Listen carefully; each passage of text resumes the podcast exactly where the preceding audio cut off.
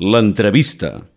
Bé, doncs ja són les 12 del matí aquí a Ràdio Vila Blaret. Ja ho saben que les 12 és el moment del programa de l'entrevista i avui, tal com hem fet amb la nostra programació habitual i també amb les nostres xarxes socials, avui ens acompanya aquí a la ràdio l'escriptora i editora la Yolanda Bataller, amb qui parlem d'aquesta seva darrera novel·la, aquesta novel·la que avui els hi presentarem, que es titula Massa deutes amb les flors, una novel·la per ser publicada per l'editorial de Columna Edicions. Avui en parlem en calma amb la Yolanda, que ens acompanya, i aquí a la mateixa saludem quan ja pràcticament passa un minut de les 12 del matí. Yolanda Bataller, què tal? Molt bon dia i benvinguda a Vilores, com estàs? Molt bon dia, feliç que ens han rebut les bugamfílies de, de Vilablareig. Aquí volia anar. Uh, M'has enviat una foto per WhatsApp, això està bé compartir-ho també amb l'audiència perquè precisament aquest llibre parla de, de flors i m'has fet una foto de ja sóc aquí amb una gran bugamília que has fet en un raconet del nostre municipi. Sí, preciós. Avui parlarem una llarga estona amb la Yolanda Bataller que uh, torna a escriure uh, després d'un llarg silenci, una Yolanda que avui parlem d'aquest llibre Massa deutes amb les flors i que també vam veure ja fa un mes uh, pràcticament a la passada diada de l'11 de setembre d'aquest 2023 on conjuntament amb Albano de Dante Fachin va ser protagonista de, de l'escenari. Un dia especial aquell, no? Molt, molt, no l'oblidarem mai, la força de la, de la gent és increïble i, i d'això parlàvem, no? que mentre ens mantinguem units, sumem i anem endavant, eh, un dia veurem aquesta Catalunya lliure i ho estem fent entre tots i parlar amb tantíssima gent, no sé si eren 100.000 o 800.000, però en tot cas eren molts cents de mils, eh, és molt important i, i ho hem de tenir tots clar, hem de tenir tots claríssim que la independència la farem entre tots i en aquest discurs va utilitzar el català i també en un moment donat, eh, això no ho vam poder veure per la televisió, però sí que després es va compartir per les xarxes socials, per internet, eh, un speech que va fer la protagonista avui la Yolanda en anglès, eh, eh, dient Ei, Europa som aquí. Ei, Europa som aquí, això és tan important, Europa, món, no? parlant d'aquesta Catalunya nostra i compartint-la amb el món i sí que és cert que a les xarxes ha estat compartidíssim i, i moltes persones ho han fet arribar doncs, als alts càrrecs de la Unió Europea i també altres eh, persones rellevants del, del món polític d'arreu. Per tant, ve sempre sumant, no? Destaco també el Michael Mason, que era aquell company que els anys que jo dirigia l'Institut Ramon Llullera a l'Smithsonian, que també ho va compartir per Estats Units i hem d'arribar, hem d'arribar arreu i, i sempre amb aquesta llengua, aquesta cultura i aquesta literatura nostra. Tres minuts que passen de les 12, avui a l'entrevista amb Yolanda Bataller. Ara ens centrarem ja en aquest llibre publicat per columna, Massa deutes eh, amb les flors. A mi em sona d'un llibre, ja ho has parlat i està bé dir-ho una altra vegada, mi d'honor, recordem, de les lletres catalanes, i és que ja llegirem, a eh, Yolanda, si em permets, a la primera pàgina, abans que comenci aquest eh, capítol número 1, eh, Morir-te encara no, tens massa deutes amb les flors. Sí, aquest és un homenatge a Antònia Vicenç, que em sembla una donassa, una dona que ens inspira a totes i a tots, i una dona que, a banda de ser referent com a escriptora, penso que també ho és claríssimament com a dona, perquè és una persona que de molt joveneta, amb 20 i pocs, va guanyar el Premi Sant Jordi.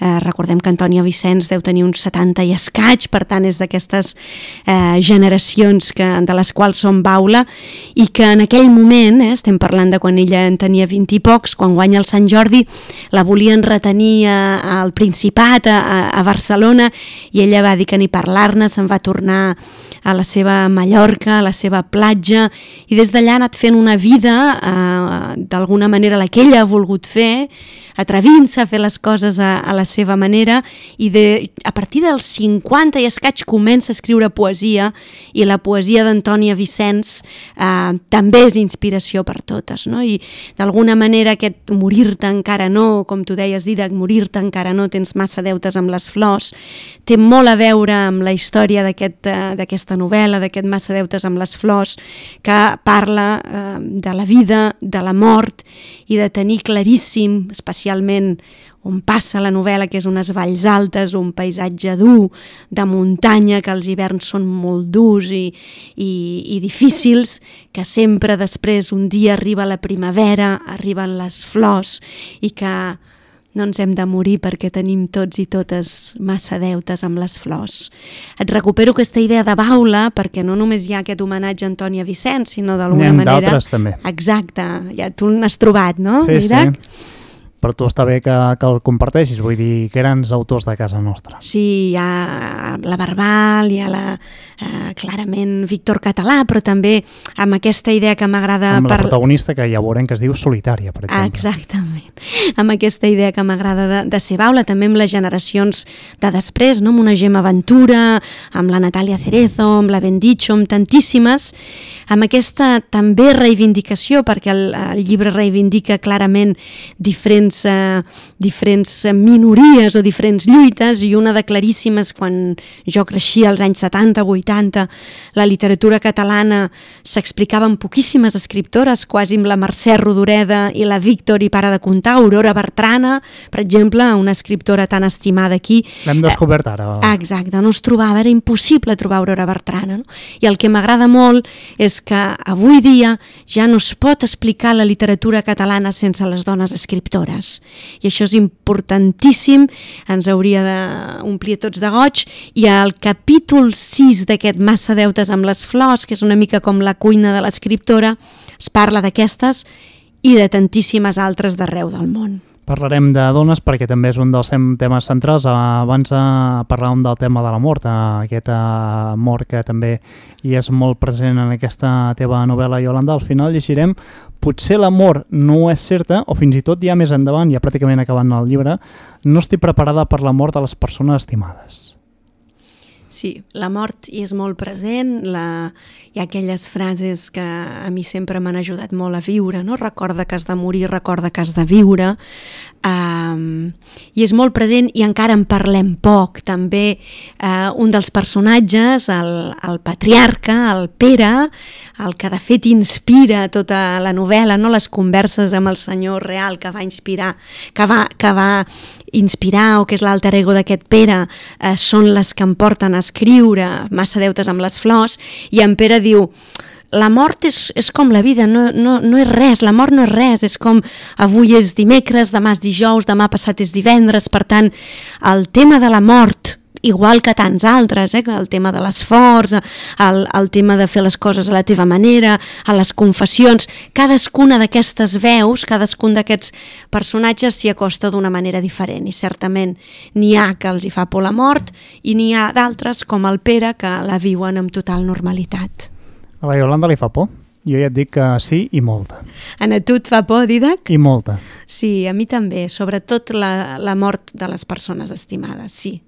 Um, jo crec que aquest llibre també té això, no? una voluntat de compartir-ho, aquesta, aquest aprendre que, que escoltant els altres i escoltant les confessions dels altres eh, ens escoltem a nosaltres mateixos, aquest tenir clar que les coses que ens costen de parlar eh, segurament són les coses que valen la pena de parlar i de ser escrites i per tant eh, hi és present la mort, el dolor, la por, eh, se'n parla poc i ens marca a, a totes i a tots. I les malalties mentals. Sí. Que també en parlem poc, però mica en mica van sortint escletxes. Des de la pandèmia em sembla que tots, per sort, hem tingut clar, si no ho teníem abans, que les malalties mentals no és allò que passa als altres, sinó que és eh, que tots hi vivim no? i que tots en un nivell o altre podem estar-hi més o menys a prop i, de nou, aquesta reivindicació de la paraula, no? allò que deia l'Audre Lorde de el meu silenci no em va protegir, el teu silenci no et protegirà, d'una manera o altra penso que tots aquests personatges que parlen també de malaltia mental, parlen de vida, parlen de mort, parlen de tants temes que ens fan, se n'adonen que compartint aquests temes que ens, que ens fan mal, que ens fan por, um, segueixen fent mal, segueixen fent por, però quan ho compartim potser fan una mica menys de mal, una mica menys de por i ens n'adonem que tots són personetes, que, que un dia ens morim i ja està, i que és bo parlar, que la paraula a l'escoltar, el llegir, l'escriure, el compartir és curatiu.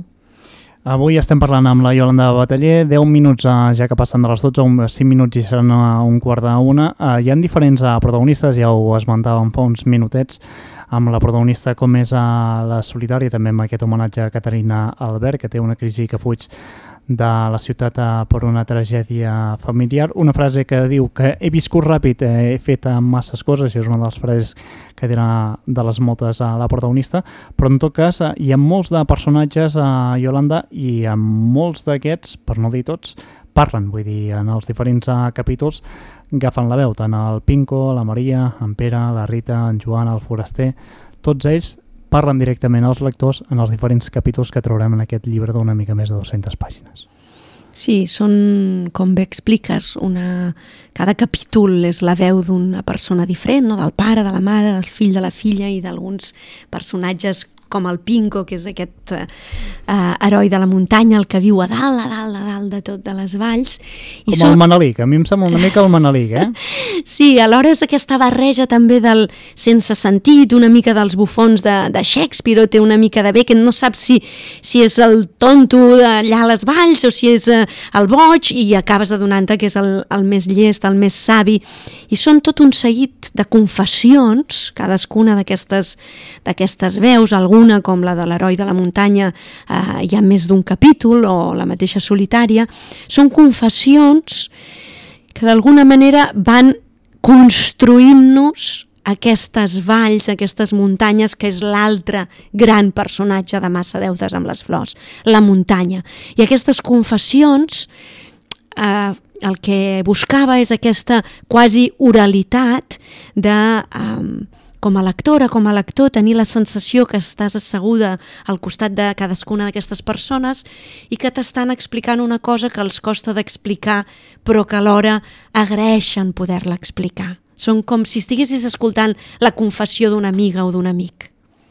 Pràcticament a un quart d'hora avui amb la Yolanda Bataller parlant d'aquest llibre publicat per columna edicions, Massa deutes amb les flors. Eh, aquests personatges eh, són inspirats en una història que també va viure la mateixa protagonista, perquè, com comenta, ens anem una mica lluny cap a la muntanya. Anem. Vull dir, abans parlava de, de Manelic, anem cap a la muntanya, també. Les valls són molt presents, aquesta natura, allò que diu moltes vegades que la natura ens cura, la natura ens fe, ens salva una mica l'ànima.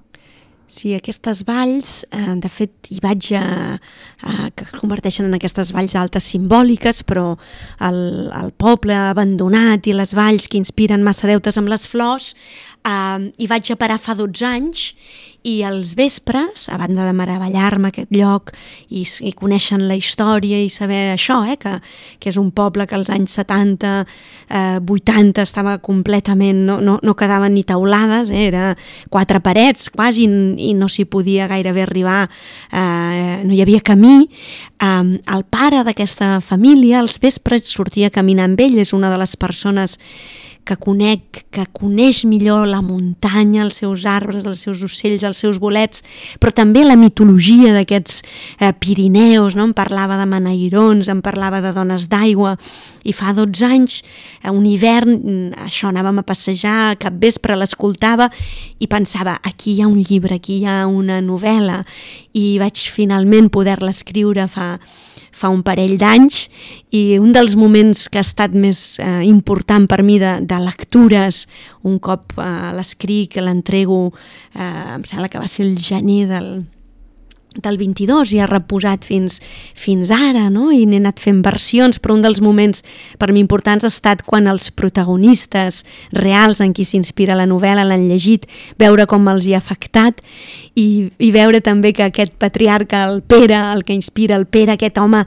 que quan decideix salvar aquest poble abandonat, la gent li deia, però a veure, si no hi ha camí, si no hi ha camí, i ell amb una oruga, ell sol, obre el camí, i li deia, però a veure, Pere, si, si no hi ha taulades, construeix les taulades, si no hi arriba ni la llum ni l'aigua, i ell fa que arribi la llum i l'aigua... Sempre hi ha un primer en tot, no? Exacte, aquest home que és tot pedra, ell, quan la Maria, la seva dona, és més aviat dona d'aigua, um, va ser un moment molt important quan el van llegir i quan el, a veure com els emocionava i alhora com a la persona que inspira el Pere diu ah, la bataller s'ha inventat tot, que això és part del que és la literatura, però sí que sorgeix d'una llavor i la llavor ha estat aquesta, sovint parlem de, de la literatura del jo, en aquest llibre m'agrada parlar de la literatura del tu i com a partir de conversar amb aquestes persones, algunes són clarament inventades però altres sí que són a partir de converses reals, ja com una part de periodisme literari o de no ficció literària,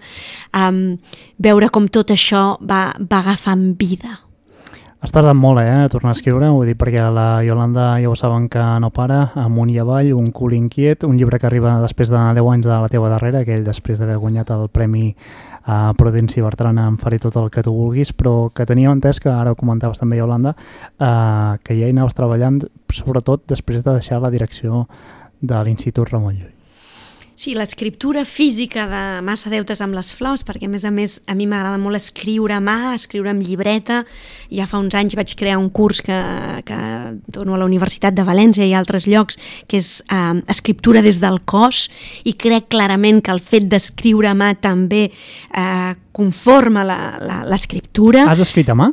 Sí, sí, sí, jo sempre sempre escric... Això, això, això sí que sorprèn, perquè clar, em sembla que hi ha pocs autors i autores que ho facin, això. Sempre escric a mà, vaig amb llibretes amunt i avall, sempre, sempre, sempre, i la part aquesta física la crec molt important, i òbviament després ho passo a l'ordinador i ja tota la feina d'edició, etc.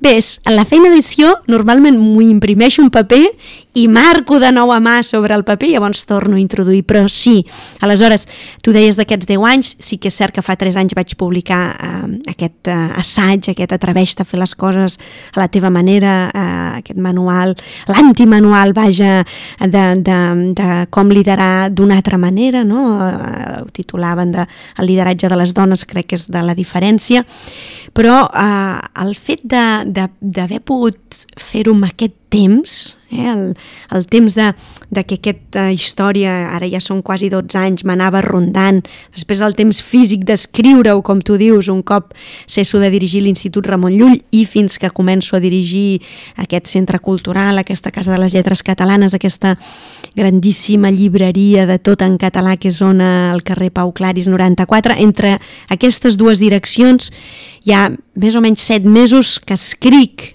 el text, eh, que és quan hi treballo moltíssim, ha estat una experiència molt bona, i també la de poder-ho deixar reposar. És a dir, que diríem que l'escriptura eh, també té a veure amb aquestes valls, amb aquest a poc a poc, amb aquest fugir d'aquest ritme ferotge de la ciutat eh, en què vivim tots, de les xarxes socials, d'aquesta, en el cas del, del món literari, el món editorial, d'aquesta necessitat de, de novetat, de carn fresca, d'immediatesa. No, no, no, fuig d'això. Com es porta això? Clar, tu ara ja has entrat en el moll de l'os, eh? Vull dir, clar, aquí no paren d'arribar amb llibres, llibres i llibres i la gent em diu, quan puc venir? Dic, és que Tu has vist la pila que tinc aquí?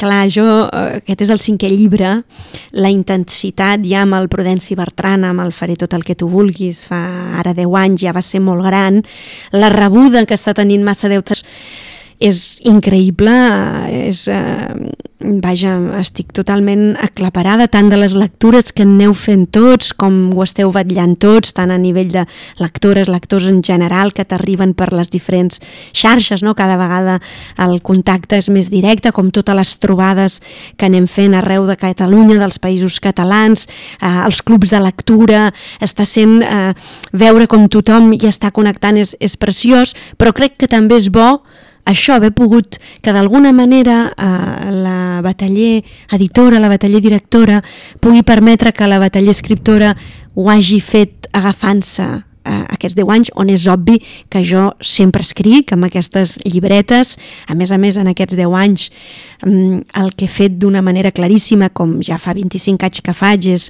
com a editora fer créixer l'obra dels altres, acompanyar l'obra dels altres com a directora del Llull, fer créixer l'obra de, de tots i totes a, arreu al món i ara des de des d'una Pau Claris doncs amb aquesta eh, compartir no? l'obra de, de, de, de tants escriptors i escriptores d'arreu de, dels països catalans i que tingui un paper importantíssim perquè no oblidem que una Pau Claris té en aquests moments 24.000 referències en català. No hi ha cap altre lloc al món on hi hagi tantes referències en català i per tant... És allò que es diu aquí a Vilabrells, hi ha tanta música en català, uh, no te l'acabes. Exactament, això Pas, també... Passa amb la cultura, vull dir, no en són conscients, Iolanda, a vegades. Totalment, això que dius de la música, com saps, Ona, nosaltres també som baula d'un projecte que ja té més de 60 anys d'història i que neix amb música, m'ha agradat molt que diguessis música i literatura, i, i a Ona hi ha un piano on, on la gent pot venir a tocar, hi ha molts músics també que hi venen a assajar, etc. I amb, amb en Gendrau, eh, amb el director d'Enderrock, sí. compartim també aquesta part de la música i també hi ha doncs, CDs, vinils, ara que els joves es tornen a acostar als vinils, i com tu dius, igual que amb la literatura, amb la música, eh, n'hi ha tanta que no te l'acabes i la gent jove està pujant amb moltíssima força i és molt bonic de compartir-ho. Tornem a la novel·la, 20 minuts eh, ja que passen de les 12, un quart i cinc d'una, avui amb la Yolanda Bataller, massa deutes eh, amb les flors. Esclar, eh, són més de 200 pàgines, però clar, anem amb molts anys, eh, perquè això ens remuntem als anys 60 fins pràcticament a l'actualitat, Yolanda. Sí, fins i tot una miqueta més, perquè tant el pare, aquest Pere, com la Maria, la mare, aquesta dona d'aigua, neixen als anys 40 i d'alguna manera també tracta de la seva infantesa en aquestes valls i eh, hi ha dos fets que per això també, com tu bé dius, Dida, que aquest marc temporal ens els fa veure molt bé. Per una banda hi ha aquesta crítica sovint a, a com les persones de ciutat ens acostem a, a la natura, a la muntanya, de oh, que bonic, amb aquesta idea quasi romàntica, idíl·lica. I Faig la foto i marxo. Sí, o, o no marxo, però, però no sóc conscient de que perquè hi hagi aquest camí, per, per poder dormir en aquest lloc tan preciós, perquè si és hivern, si estigui calent, per tantes coses, hi ha hagut famílies que hi han deixat la vida, com és el cas de la família protagonista de Massa Deutes amb les flors, i també l'aprendre, que ara jo crec que ja tots ho hem après, però no era així d'evident, als anys 60-70, sovint no només a, a aquests pobles de muntanya, però, però en aquests pobles de muntanya moltíssim, però també a pobles petits, als anys 60-70, quan des dels despatxos, des d'on es prenen les decisions, però sovint es prenen sobre paper, amb poquíssima consciència de les conseqüències que té això, com es decidia de, ai mira, en aquests poblets d'aquestes valls hi ha molt poca mainada, tancarem l'escola. I com tancar l'escola, com que les mestres i els mestres desapareguin de les valls de, i dels pobles i de les muntanyes i d'arreu, és matar el poble. És a dir, quan marxen les mestres, mor el poble, perquè les famílies no es poden permetre fer dues hores de cotxe fins a l'escola més propera i dues hores de tornada i, per tant, han de marxar a viure a una ciutat petita, una ciutat mitjana, una ciutat gran, però abandonen els pobles i les conseqüències que això té. I com aquest home eh, de, de pedra, aquest patriarca, aquest Pere, eh, fa la seva pròpia revolució, s'atreveix a fer les coses a la seva manera i diu no, no, no, jo salvaré aquest poble. I com la família, el seu entorn, no tots ho acaben d'entendre i les conseqüències que això té. Però com amb el pas del temps veiem que ho aconsegueix, que se'n surt, i que aquest poble de pedra que, que va estar mort i abandonat, ara està ple de vida, amb gent d'arreu del món, i, i se n'ha sortit aquest senyor sol i visionari, eh, que alguns no entenien, la seva mateixa eh, dona, doncs se n'ha sortit. I això és el que està passant, eh? Vull dir, des d'ençà de la pandèmia, molta gent de ciutat vol venir a viure a pobles. Vilaoreja és un gran exemple. I, i, I bé que fan i bé que fem, i tant que sí. Però hem de ser conscients de, de tot el treball i tots els esforços i tota l'entrega que hi ha de famílies i famílies perquè la gent de ciutat ara puguem decidir anar a viure a poble. 5 minuts i seran dos quarts d'una, avui amb la Yolanda Bataller aquí amb massa deutes amb les flors. déu nhi les flors també que trobem en aquest llibre. No els he volgut apuntar totes, però n'hi ha un bon reguitzell. Sí, les flors ens fan, eh, ja, ja veus que he arribat aquí, t'he enviat aquesta bugambília preciosa, i, i per això també eh, vaig escollir eh, aquest, eh, aquest vers d'Antònia Vicenç, no? perquè malgrat la duresa, malgrat la foscor, malgrat que els hiverns a muntanya i a les valls altes són duríssimes, sempre arriba la primavera, sempre arriben aquestes flors i ens recorden que hem de viure, que no podem morir perquè tots i totes tenim massa deutes amb les flors. Quina flor t'enamora? Oh, mira, moltíssimes, la mateixa de la portada del llibre, que des d'aquí també una enhorabona, no? M'agrada dir que els llibres són cadenes d'entusiasme que, òbviament, neixen en l'escriptora o en les persones que els inspiren, però passen per, per l'editora, per tot el treball editorial i, i penso que la portada d'aquest Massa Deutes amb les flors que té aquesta gerbera groga a, a, a, la, a la coberta. Em sembla meravellosa, les gerberes m'agraden molt però les bugambilles i per això la foto és una de les meves eh, de les meves eh, flors preferides i amb aquesta força que tenen i, aquesta... M'agraden totes, eh? cadascuna a la seva manera, les violetes m'agraden molt, al final Yolanda és violant, que és violeta, i, i per tant, és, eh, arreu on vaig eh, hi, porto, hi porto flors. De fet, a Ona Pau Claris, si veniu, eh, a banda de trobar-hi moltíssims llibres i música i, i persones que cada vegada és més com una plaça de, del poble, aquesta, aquesta ona, eh, hi trobareu també moltes flors. Vaig acabant, perquè en aquest llibre no volem eh, desvetllar gaire coses més, perquè sobretot el que ens interessa és que la gent acabi llegint aquest llibre massa deutes amb les flors, però clar, hi ha molts de temes. El preu de Sedon, ho comentava ara la Yolanda fa uns minutets, eh, les tragèdies familiars que costa explicar, aquí en trobarem uh, un bon requisit també de la boca de diferents uh, protagonistes, el sentit i força de la família, la manera també en què vivim, o fins i tot uh, allò eh, del que diem moltes vegades, de viure al màxim.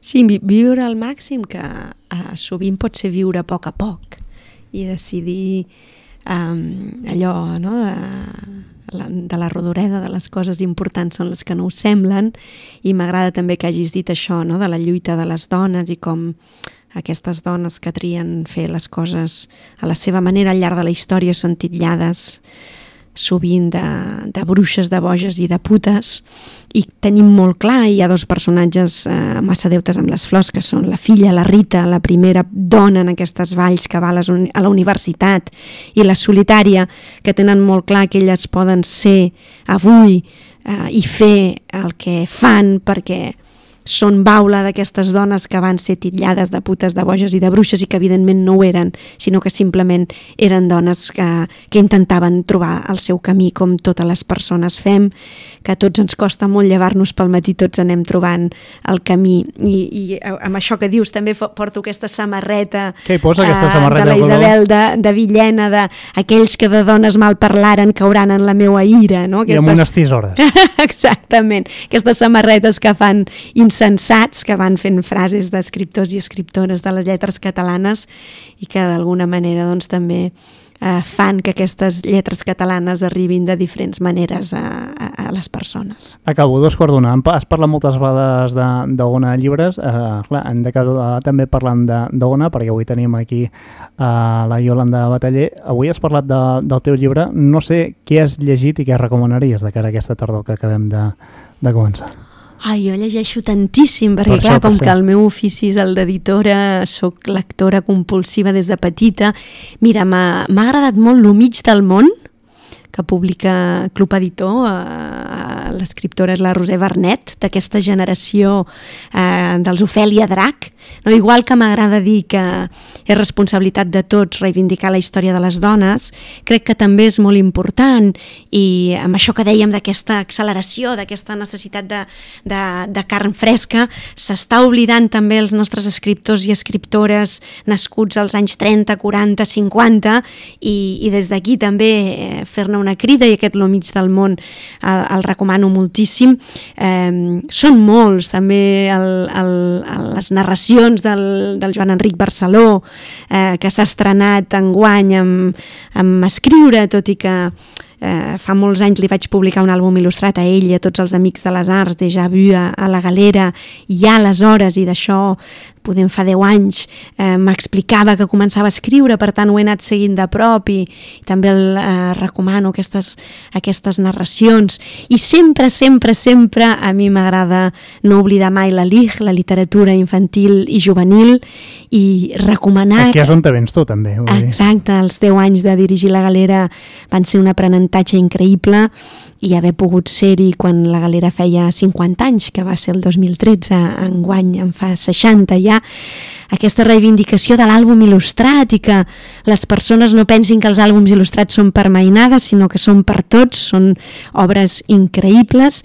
I un llibre que mai em cansaré de recomanar, que és segurament un dels llibres més bonics que hauré editat mai i que editaré mai, que és els llibres d'A, amb il·lustracions de la Susana Zeleg, que viu precisament a Girona, tot i que és de Polònia i que és una artistassa, i un text eh, increïble del Josep Lluís Badal, que és, amb el temps eh, s'acabarà eh, sabent que és com les nostres cròniques de Nàrnia, una d'aquestes grans obres de la literatura suposadament infantil, però que és absolutament transversal.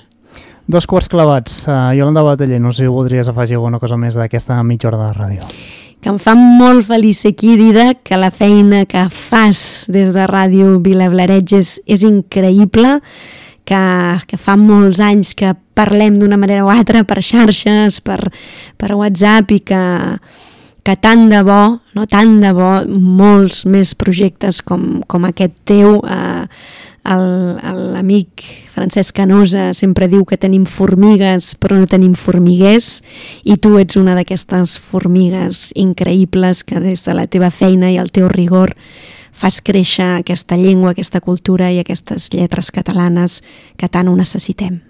Això no calia, però en tot cas eh, és, és, és el que passa quan vols donar veu per afegir alguna cosa més. El que havien d'haver fet és Yolanda Bataller, mil gràcies fins a una propera. Gràcies a tu.